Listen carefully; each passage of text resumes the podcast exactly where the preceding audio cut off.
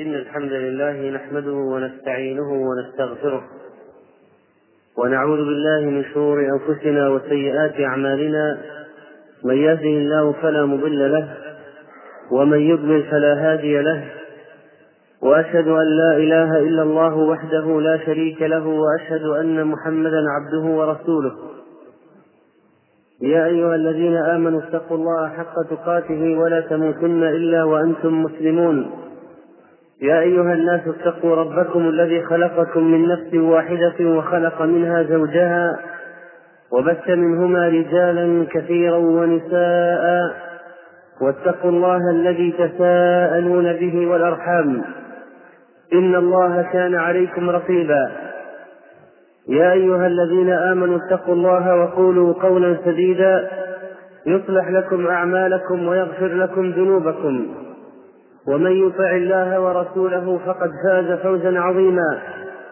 أما بعد فإن أصدق الحديث كتاب الله وخير الهدي هدي محمد صلى الله عليه وسلم وشر الأمور محدثاتها وكل محدثة بدعة وكل بدعة ضلالة وكل ضلالة في النار.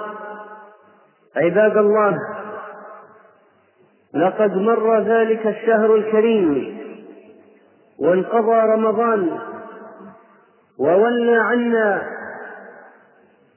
فوا حزناه على ذلك الشهر الذي تولى ووا أسفا على رمضان الذي انقضى ولكن السعيد من كان قد استودعه الأعمال الصالحة. والشقي من ضيع حق رمضان. وبعد انقضاء الشهر لنا وقفات نقفها في هذا الموقف حول رمضان الذي انقضى الوقفة الأولى من الذي استفاد من رمضان؟ يقول النبي صلى الله عليه وسلم من صام رمضان إيمانا واحتسابا غفر له ما تقدم من ذنبه. وقال من ومن قام ليلة القدر إيمانا واحتسابا غفر له ما تقدم من ذنبه. وقال من قام رمضان إيمانا واحتسابا غفر له ما تقدم من ذنبه. فمغفرة الذنوب لهذه الأسباب الثلاثة. كل واحد منها مكفر لما سلف من الذنوب.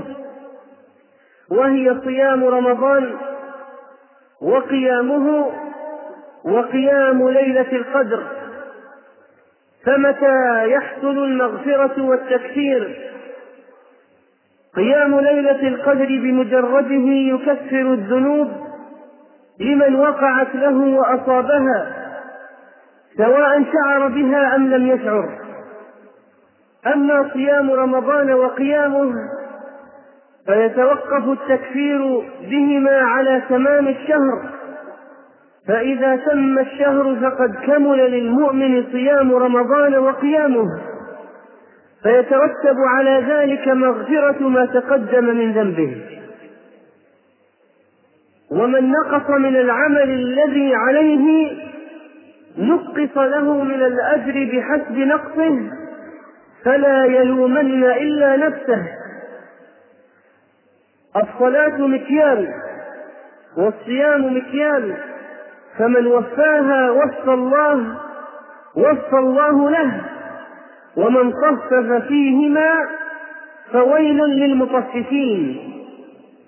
أما يستحي من يستوفي مكيال شهواته ويطفف في مكيال صيامه وصلاته إذا كان الويل لمن طفف في مكيال الدنيا. ويل للمطففين الذين إذا اكتالوا على الناس يستوفون وإذا كالوهم أو وزنوهم يخسرون. فكيف حال من طفف مكيال الدين؟ فويل للمصلين الذين هم عن صلاتهم ساهون. وهذا الويل لمن طفف. فكيف حال الذي فرط بالكلية؟ كيف حال الذي لم يقم ولم يقم؟ وهم أعداد ممن ينتسبون إلى الإسلام. ألم يقل النبي صلى الله عليه وسلم من أدركه رمضان فلم يغفر له فأبعده الله. وقالها جبريل للنبي صلى الله عليه وسلم ثم قال له قل آمين فقلت آمين. من أدركه رمضان فلم يغفر له فأبعده الله. دعاء عليه بالإبعاد عن رحمة الله والطرد عنها لأن ذلك الشهر قد مر ولم يستجب منه. لأن ذلك الموسم العظيم قد حصل ولم ينهل منه لم ينتهز الفرصة فتبا له. إذا كان لم ينتهز الفرصة العظيمة فهو لإهمال ما هو أدنى منها من باب أولى. إذا فرط في رمضان فتفريطه في غير رمضان من باب أولى. ولذلك أبعده الله لأنه لا يستحق أجره ولا يستحق الرحمة ولا المغفرة. ولا شك أيها المسلمون أننا قد حصل منا تطفيف في الصيام والقيام.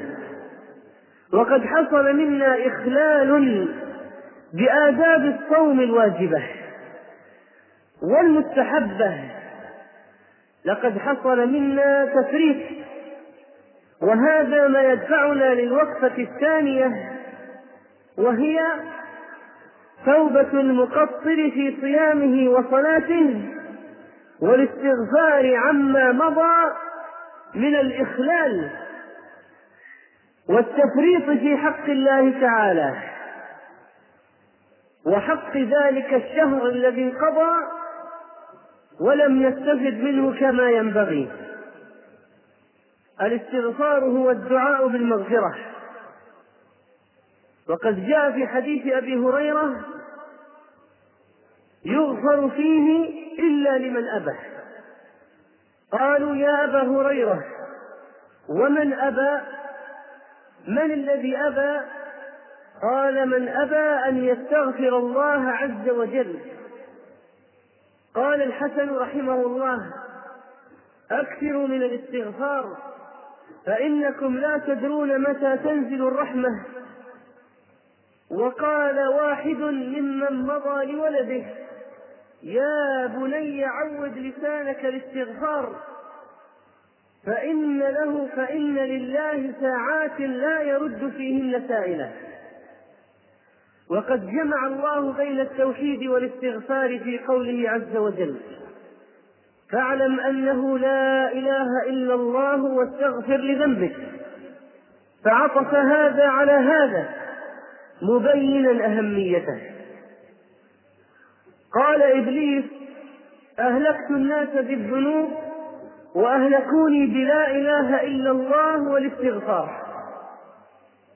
والاستغفار ختام الأعمال الصالحة كلها. فتختم به الصلاة والحج وقيام الليل وتختم به المجالس فإن كانت مجالس ذكر كان كالطابع عليها. وإن كانت مجالس لغو كانت كفارة لها. كان كفارة لما حصل فيها. فكذلك ينبغي أن يختم قيام رمضان بالاستغفار. كتب عمر بن عبد العزيز رحمه الله إلى الأمصار يأمرهم بختم شهر رمضان بالاستغفار والصدقة صدقة الفطر. فإن صدقة الفطر طهر للصائم. من اللغو والرفث والاستغفار يرفع ما حصل من الخروق في الصيام باللغو والرفث. وقال بعض أهل العلم إن صدقة الفطر للصائم كسجدتي السهو. وقال عمر بن عبد العزيز في كتابه قولوا كما قال أبوكم آدم ربنا ظلمنا أنفسنا وإن لم تغفر لنا وترحمنا لنكونن من الخاسرين. وقولوا كما قال نوح عليه السلام وإلا تغفر لي وترحمني أكن من الخاسرين. وقولوا كما قال إبراهيم عليه السلام والذي أطمع أن يغفر لي خطيئتي يوم الدين. وقولوا كما قال موسى عليه السلام رب إني ظلمت نفسي فاغفر لي وقولوا كما قال ذو النون عليه السلام لا إله إلا أنت سبحانك إني كنت من الظالمين. صيامنا هذا يحتاج إلى استغفار نافع وعمل صالح له شافع. كم تخرق من صيامنا باتهام الكلام ثم نرقعه وقد اتسع الخرق على الراقع. كم نرفو خروقه بمخيط الحسنات ثم نقطعه بحسام السيئات القاطع كان بعض السلف إذا صلى صلاة استغفر من تقصيره فيها كما يستغفر المذنب من ذنبه. إذا كان هذا حال المحسنين في عباداتهم فكيف حال المسيئين؟ كيف حال المسيئين؟ أنفع الاستغفار ما قارنته التوبة والتوبة حل عقدة الإصرار على الذنب. حل عقدة الإصرار على الذنب. فمن استغفر بلسانه وقلبه عن المعصية زالت. ومن كان عزمه أن يرجع إلى المعاصي بعد رمضان ويعود فهذا صدقه فهذا صدقه غير موجود. وباب القبول عنه مسدود. وصومه عليه مردود.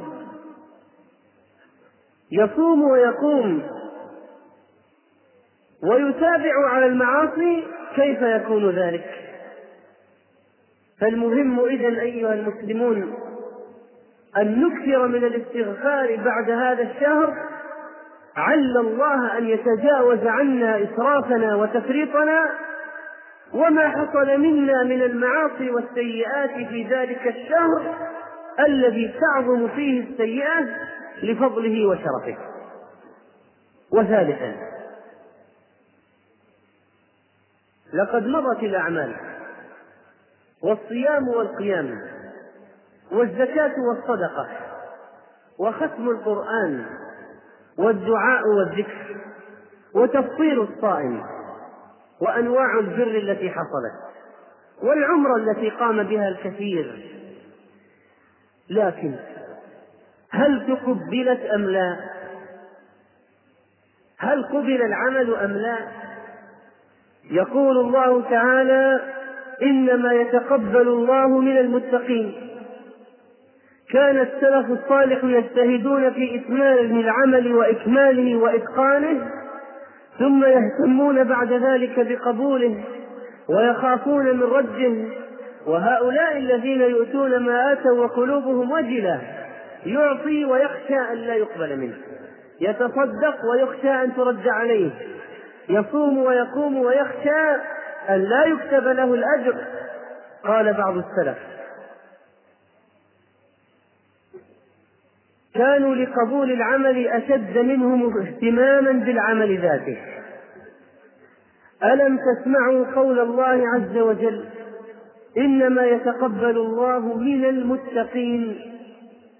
فغير المتقين ما هو حالهم؟ وعن فضالة بن عبيد قال لأن أكون أعلم أن الله قد تقبل مني مثقال حبة من خردل أحب إلي من الدنيا وما فيها لأن الله يقول إنما يتقبل الله من المتقين. يقول بعضهم لو أعلم أن الله تقبل مني ركعتين لا أهتم بعدها لأنه يقول إنما يتقبل الله من المتقين. وقال عبد العزيز بن أبي رواد رحمه الله أدركتهم يجتهدون في العمل الصالح فإذا فعلوه وقع عليهم الهم أيقبل منهم أم لا؟ وقع عليهم الهم. وقع عليهم الهم وليس وقعوا في المعاصي. وقع عليهم الهم أيقبل منهم أم لا؟ وكان بعض السلف يقول في آخر ليلة من رمضان يا ليت شعري من هذا المقبول فنهنيه ومن هذا المحروم فنعزيه. أيها المقبول هنيئا لك أيها المردود جبر الله مصيبتك. فإذا فاته ما فاته من خير رمضان فأي شيء فأي شيء يدرك. ومن أدركه فيه الحرمان فماذا يصيب؟ كم بين من حظه فيه القبول والغفران ومن كان حظه فيه الخيبة والخسران. أيها المسلمون من علامات التقوى الامتناع عن الفسق بعد رمضان. الذي يخشى على عمله ولا يدري هل قبل منه أم لا يجتهد في العبادة ويواصل في الطاعة. والذي يظن أنه قد عمل حسنات أمثال الجبال فلا يهمه بعد ذلك. ويقول عندي رصيد وساعة لربك وساعة لقلبك. وهذه هي الوقفة الرابعة. وهي المواصلة على العمل بعد رمضان. مواصلة الطاعة والعبادة بعد رمضان. عباد الله عباد الله إن الذي يتقي الله حق تقاته يواصل على الطاعة والعبادة. والله تعالى لما ذكر صفات المؤمنين لم يقيدها بوقت ولم يخصها بزمان. قال قد أفلح المؤمنون الذين هم في صلاتهم خاشعون خاشعون دائما. والذين هم عن اللغو معرضون ليسوا معرضين في رمضان فقط. والذين هم للزكاة فاعلون متى دار الحول يزكي في رمضان أو في غيره. وبعض الناس إذا حال الحول في رمضان زكى ويهمل الزكاة في الأموال التي يحول عليها الحول في غير رمضان. فانتبهوا لهذه المسألة.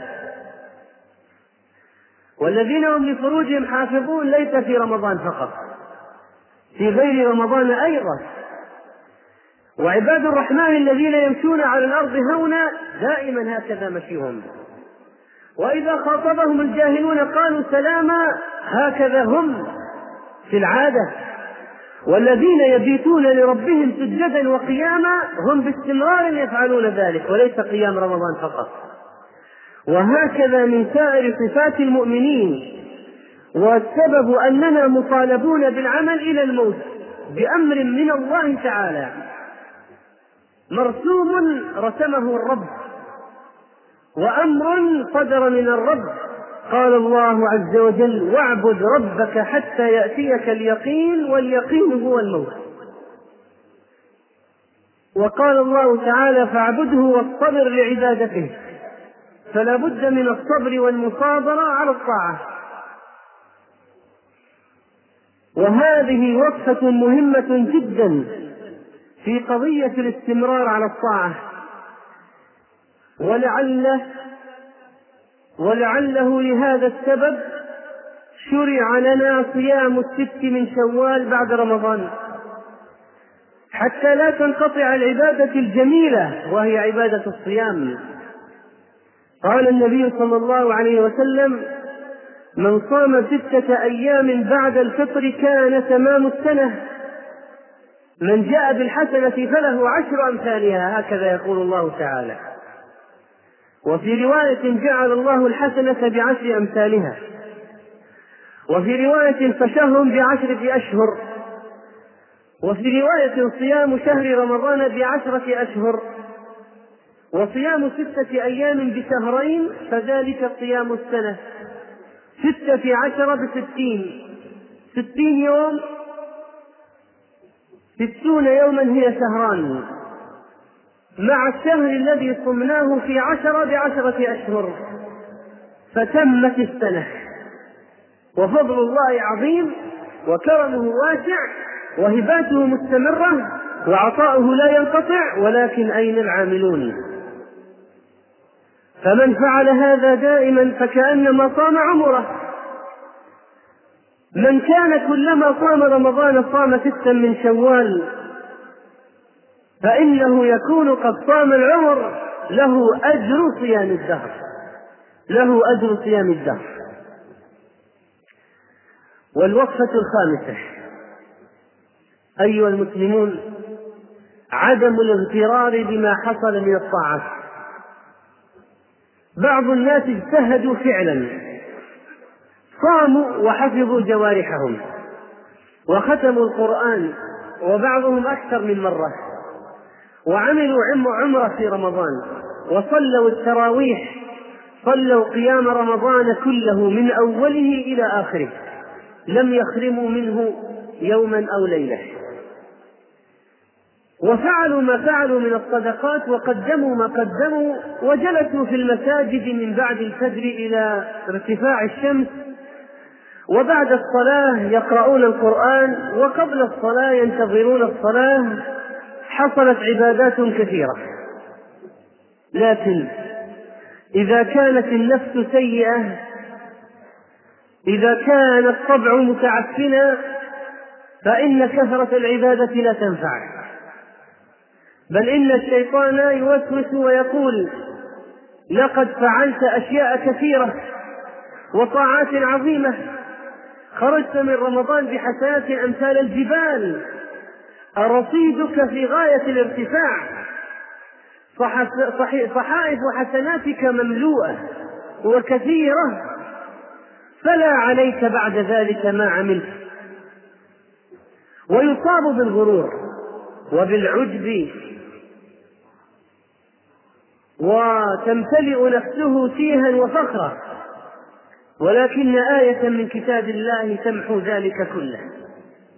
وتوقفه عند حده. وتبين له حقيقة الأمر. وهي قول الله تعالى ولا تمنن تستكثر. ولا تمنن تستكثر. أتمن على الله؟ أتظن أنك فعلت له هذه الأشياء؟ تكون أنت قد قدمت له أشياء عظيمة. تظنها كخدمة من خدمات البشر. ولا تمنن تستكبر لا تمن على الله بعملك. لا تفخر لا تغتر لا تصاب بالعجب. ولا تمنن تستكثر. وتتخيل أن أعمالك كثيرة. فإن النبي صلى الله عليه وسلم قال في الحديث الحسن لو أن رجلا يجر على وجهه من يوم ولد إلى يوم يموت هرما في مرضاة الله تعالى لحقره يوم القيامة. لو أن رجلا يجر على وجهه من يوم ولد إلى يوم يموت هرما في مرضاة الله تعالى لحقره يوم القيامة. لجاء يوم القيامة فرآه قليلا ضعيفا. لرآه حقيرا لرأى عمله لا يساوي شيئا. فإنه لو قارنه بنعمة واحدة من النعم كنعمة البصر أو غيرها لصار هذا قليلا لا يساوي شيئا لم يكد يعمل شيئا. ولذلك فإن الناس لا يدخلون الجنة بأعمالهم وإنما يدخلونها برحمة الله تعالى. ليست الأعمال ثمنا للجنة لكنها سبب لدخول الجنة. لكنها سبب. لا ندخل الجنة إلا بالأعمال الصالحة. الذي لم يعمل صالحا لا يدخل الجنة. فهي سبب لكنها ليست الثمن. فبدون رحمة الله الأعمال لا تؤهل لدخول الجنة. بل ولا تسديد نعمة ولا تسديد حق نعمة واحدة من النعم. أيها المسلمون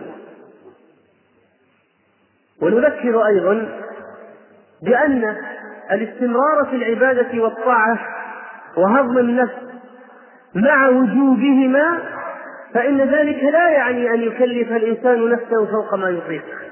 خذوا من العبادة ما تطيقون فإن الله لا يسأم حتى تسأموا. حديث صحيح. وهنا وقفة سابعة وهي أنه لا يشترط أن نكون في, في بعد رمضان كما كنا في رمضان. فنحن نعلم أن ذلك موسم عظيم لا يأتي بعده مثله إلى رمضان الذي بعده. لا يأتي بعده مثله. لا يأتي شهر فيه خيرات ومغفرة ورحمة وعتق كما في هذا الشهر الذي انصرم فنحن لا نقول كونوا كما كنتم في رمضان من الاجتهاد. النفس لا تطيق ذلك. لكن لا للانقطاع عن الأعمال. الخطورة في الانقطاع يا عباد الله. لا بد من أخذ الأمور بواقعية. ليس من المطلوب أن نكون بعد رمضان مثل رمضان. كان ذلك شهر اجتهاد له وضع وظرف خاص. لكن الانقطاع عن الأعمال لا. ترك الصيام بالكلية لا. ترك القيام بالكلية لا. ترك ختم القرآن بالكلية لا. ترك الدعاء والذكر والصدقة والعمرة لا. استمروا على العمل. وإن كان أقل مما كان في رمضان. ثم إن الله سبحانه وتعالى إذا كان العبد مواصلا على عمله لو أصابه عارض لو مرض لو سافر يكتب له من الأجر مثل ما كان يعمل صحيحا مقيما. وجاء في الحديث إذا مرض العبد قال الله للكرام الكاتبين اكتبوا لعبدي مثل الذي كان يعمل حتى أقبضه أو أعافيه. حديث صحيح. إذا هذه من فوائد المواصلة. على الطاعة والعبادة. أيها المسلمون من الوقفات المهمة أن الاستمرار على الطاعة والعبادة سبب لحسن الخاتمة. كما قال النبي صلى الله عليه وسلم إذا أراد الله بعبد خيرا استعمله. قيل كيف يستعمله؟ قال يوفقه لعمل قبل الموت ثم يقبضه عليه. فإذا كان من الصالحين كانت عبادته حسنة.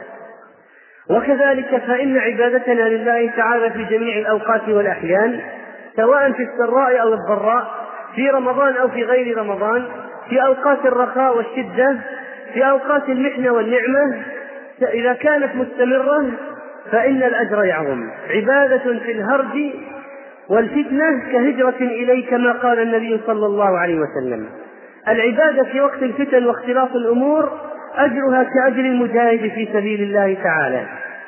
عندما لا يشجع الجو على العبادة عندما يرجع كثير من الناس إلى فتورهم بعد رمضان عندما تقوم أنت بالعبادة لا شك أن لك أجرا عظيما. عندما فتر الناس أنت نشطت. عندما تقاعس الناس أنت قدمت. عندما تخلفوا أنت تقدمت. أيها المسلمون إن هذا مفهوم إن هنا مفهوما عظيما وهي أن العبادة إن أن العبادة هي أصل في حياتنا. إنها ليست قضية طارئة إنها ليست قضية مؤقتة. إنها ليست قضية محددة بزمان أو مكان. إنها مستمرة. من السبعة الذين يظلهم الله في ظل يوم لا ظل إلا ظله شاب نشأ على طاعة الله تعالى. أيها المسلمون من الوقفات العظيمة التي نقفها الوقفة الثامنة للذين دخلوا رمضان بالمعاصي وخرجوا بالمعاصي إنهم لم يستفيدوا شيئا.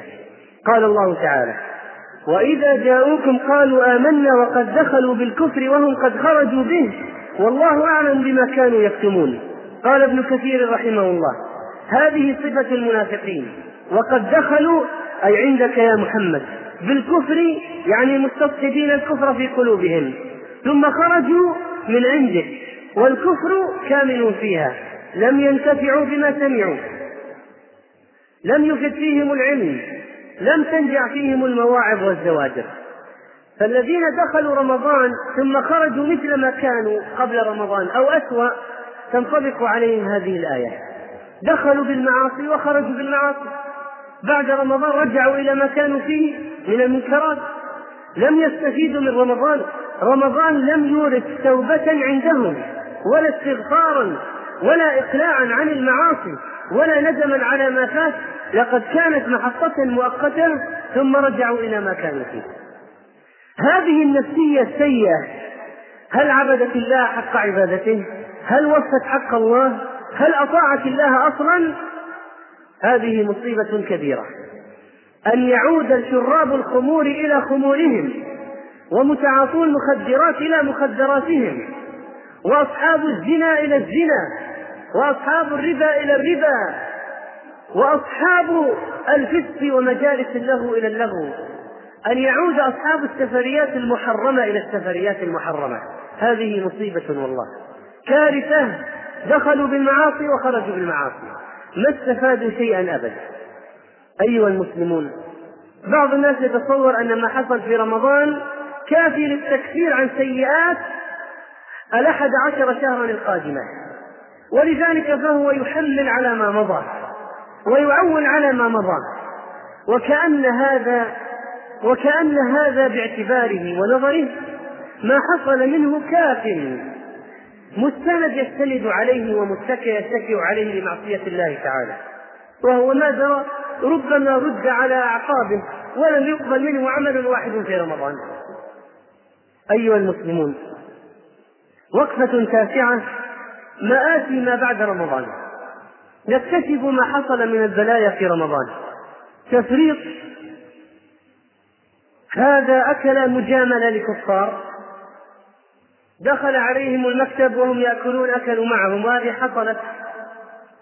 وهذا وقع على زوجته في نهار رمضان وانتهك حرمة الشهر الكريم بأسوأ مفطر من المفطرات وعليه الكفارة المغلظة عتق رقبة فإن لم يجد فصيام شهرين متتابعين. فإن لم يستطع لمرض وعذر حقيقي لا تلاعب فإنه يطعم ستين مسكينا.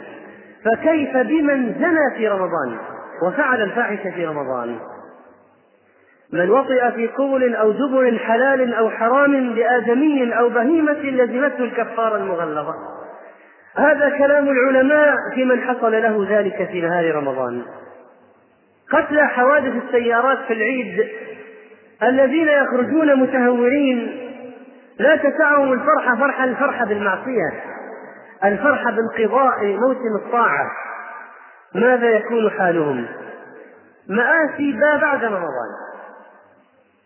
وعاشرا يقول الناس لبعضهم بعض في العيد. من من العود من العبارات التي يقولها العامة من العائدين ومن الفائزين. هل تعلمون من هم الفائزون؟ قال الله تعالى فمن زحزح عن النار وأدخل الجنة فقد فاز. لا يستوي أصحاب النار وأصحاب الجنة أصحاب الجنة هم الفائزون. وقال الله عن أهل الجنة خالدين فيها أبدا ذلك الفوز العظيم. وقال لهم جنات تجري من تحتها الأنهار ذلك الفوز الكبير. هؤلاء هم الفائزون. فالفوز الحقيقي الفوز في الجنة. نسأل الله عز وجل أن يجعلنا من أهل الجنة. نسأل الله أن يجعلنا ممن قبل عملهم في رمضان. اللهم تقبل ما حصل من العمل. واغفر لنا الخطأ والتقصير والزلل. اللهم إنا نسألك رحمة من عندك تلم بها شعثنا. وتغفر بها ذنبنا وترحم بها ميتنا وتشفي بها مريضنا وتقضي بها ديننا. اللهم إنا نسألك رحمة من عندك تجعلنا فيها بعد هذا الشهر الكريم خيرا مما كنا قبله. أقول قولي هذا وأستغفر الله لي ولكم فاستغفروه إنه هو الغفور الرحيم. الحمد لله رب العالمين الرحمن الرحيم أشهد أن لا إله إلا هو الحي القيوم رب الأرض والسماء.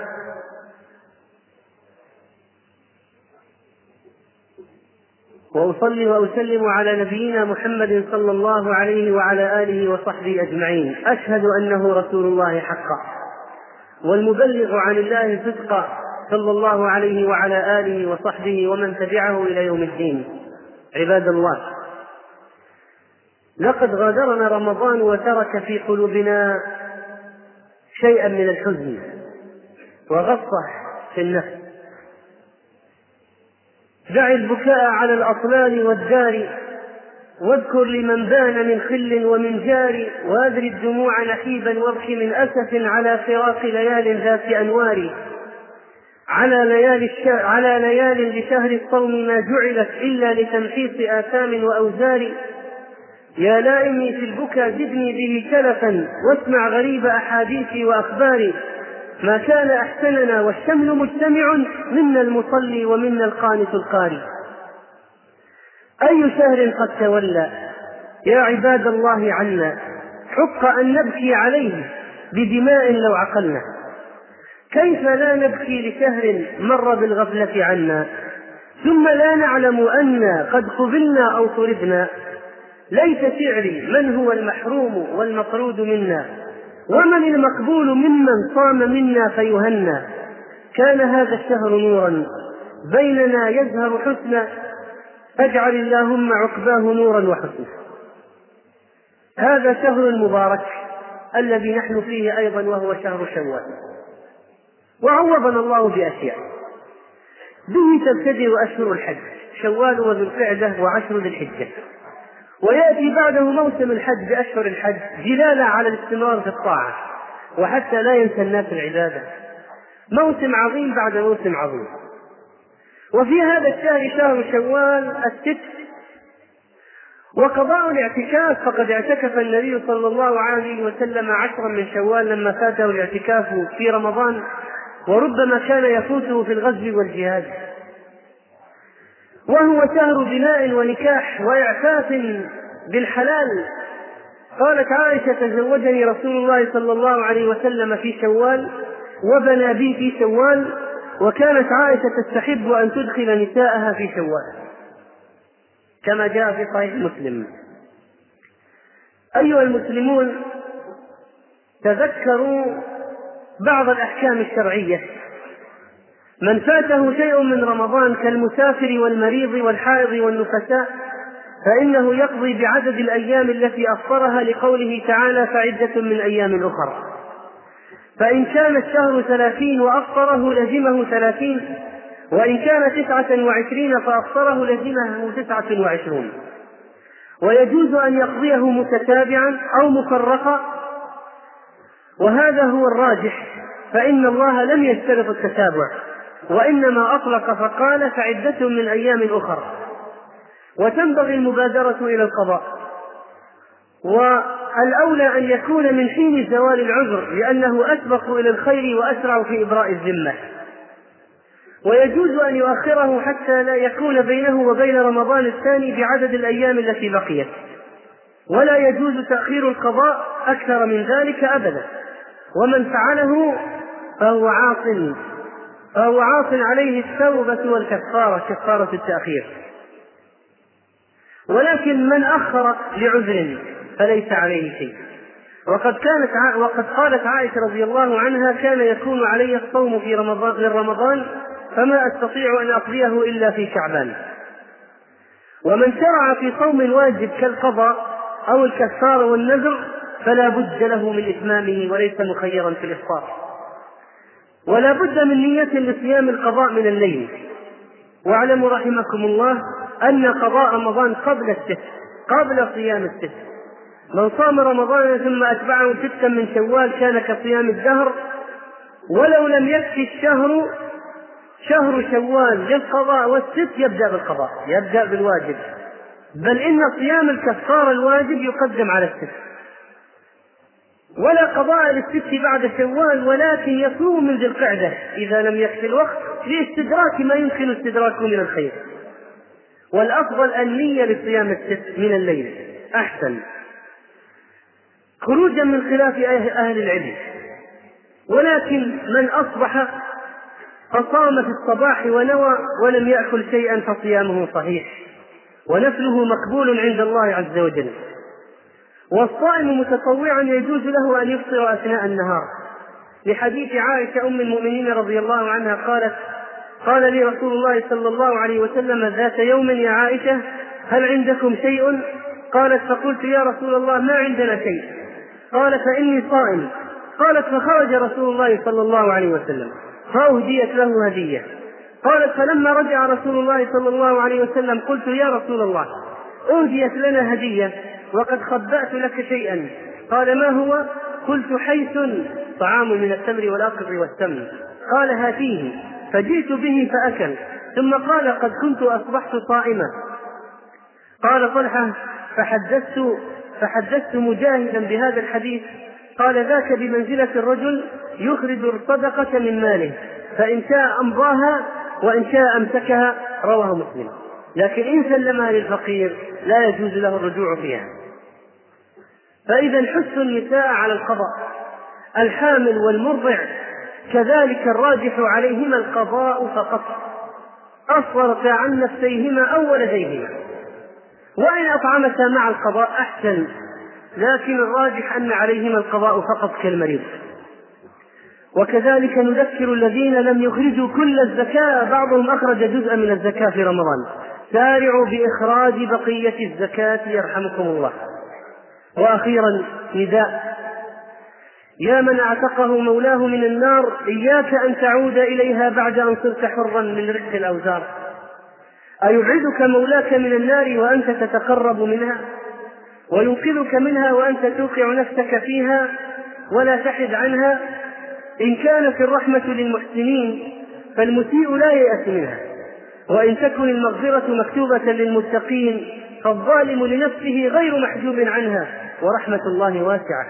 إن كان لا يرجوك إلا محسن فمن الذي يرجو ويدعو المسلم؟ ونعم الله متوالية متعددة فالحمد لله على نعمائه. اللهم انصر الإسلام والمسلمين. كن مع المجاهدين. اجمع شملهم على الحق والتوحيد يا رب العالمين. دمر أعداء الدين. اكبتهم وزلزل الأرض من تحتهم. واجعلها عليهم سنية كسني يوسف. اللهم اجعلنا من عتقائك من النار. واغفر لنا سائر الآثام والأوزار سبحان ربك رب العزة عما يصفون. وسلام على المرسلين والحمد لله رب العالمين. وقوموا